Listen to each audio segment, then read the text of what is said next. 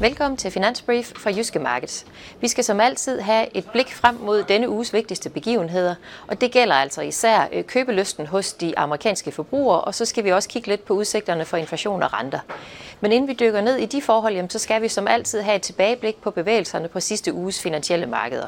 Og som man kan se på tabellen her, jamen, så var det en god uge for aktieinvestorerne, hvor vi øh, havde stigninger på øh, en 2-3 procent i det ledende aktieindeks. Og det handler altså om, at vi fik nogle data, der vidner om, at inflationen i USA ser ud til at have toppet, og dermed også, at det giver øh, håb om, at øh, Fed ikke behøver at forhøje øh, renten helt så meget som hidtil frygtet.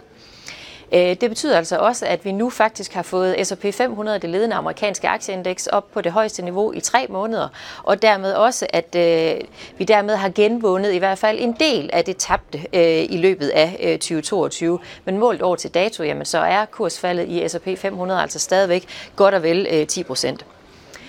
Og som nævnt, jamen, så den seneste tids aktiekursstigninger, jamen, de er altså hjulpet på vej af de her øh, lavere renter, og så forventningerne øh, og håbet om, at centralbankerne ikke skal stramme helt så aggressivt som ellers øh, priset.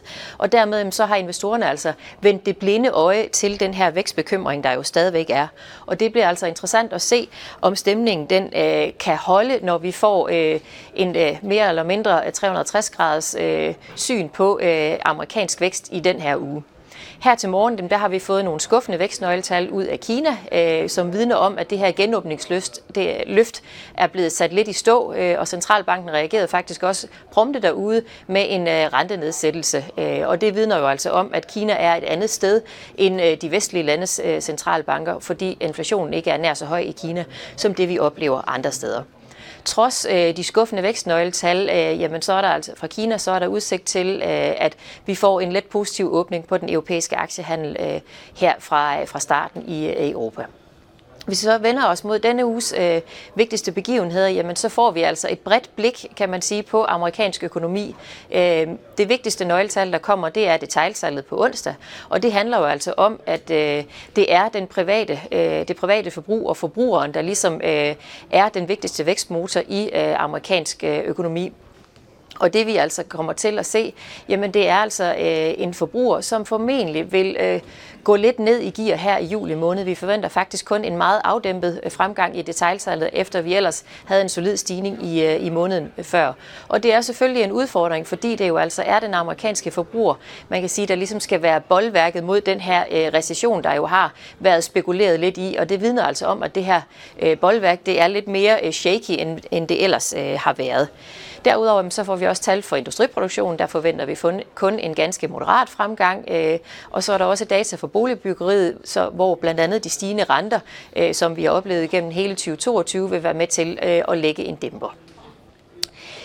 Hvis vi så vender os mod øh, inflationen øh, igen og kigger lidt nærmere på den, jamen så er der jo ikke nogen tvivl om, at det er øh, positivt for investorerne, øh, at det ser ud til, at inflationen har toppet, og det har jo altså også været en vigtig bevæggrund for, at vi har fået den her øh, lettelse, kan man sige, i stemningen hos, blandt investorerne, og hvor vi har set, at øh, aktiekurserne i USA nu har genvundet cirka halvdelen af det tabte, øh, som jo især øh, kom i starten af øh, 2022. Det man bare skal huske på, det er jo selvfølgelig, at det ikke er nok at se, at inflationen topper, øh, fordi den er jo altså stadigvæk øh, omkring 8,5 procent, det vil sige mere end fire gange så høj som Feds, øh, den amerikanske centralbanks øh, målsætning.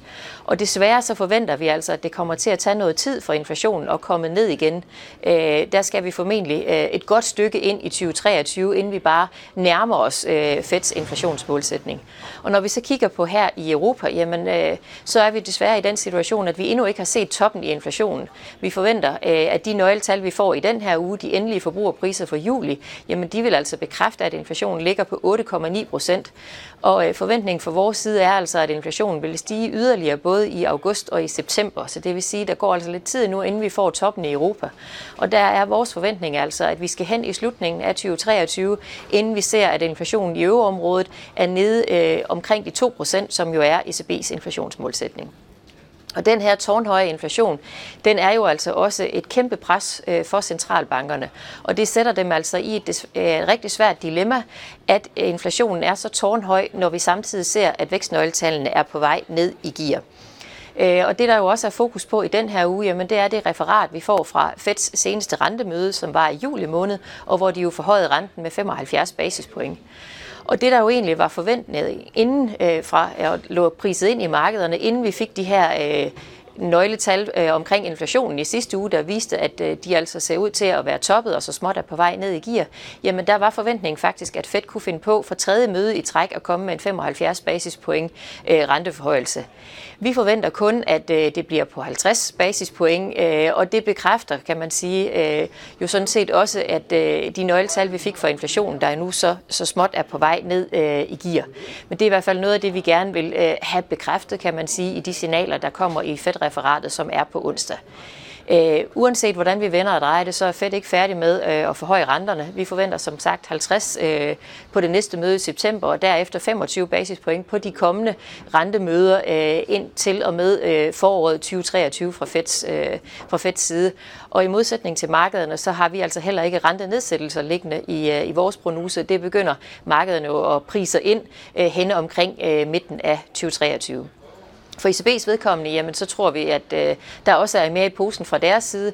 Vi har to øh, renteforholdelser på 50 basispoint liggende i prognosen i henholdsvis september og oktober, og så 25 basispoint i december. Og det vidner altså om, at centralbankerne langt fra er færdige, selvom vi nu øh, ser ud til, at vi i hvert fald i USA har, fået, har set en top i øh, inflationen. Og med det ord øh, er vi færdige med øh, denne omgang øh, Finansbrief. Tak fordi du så med.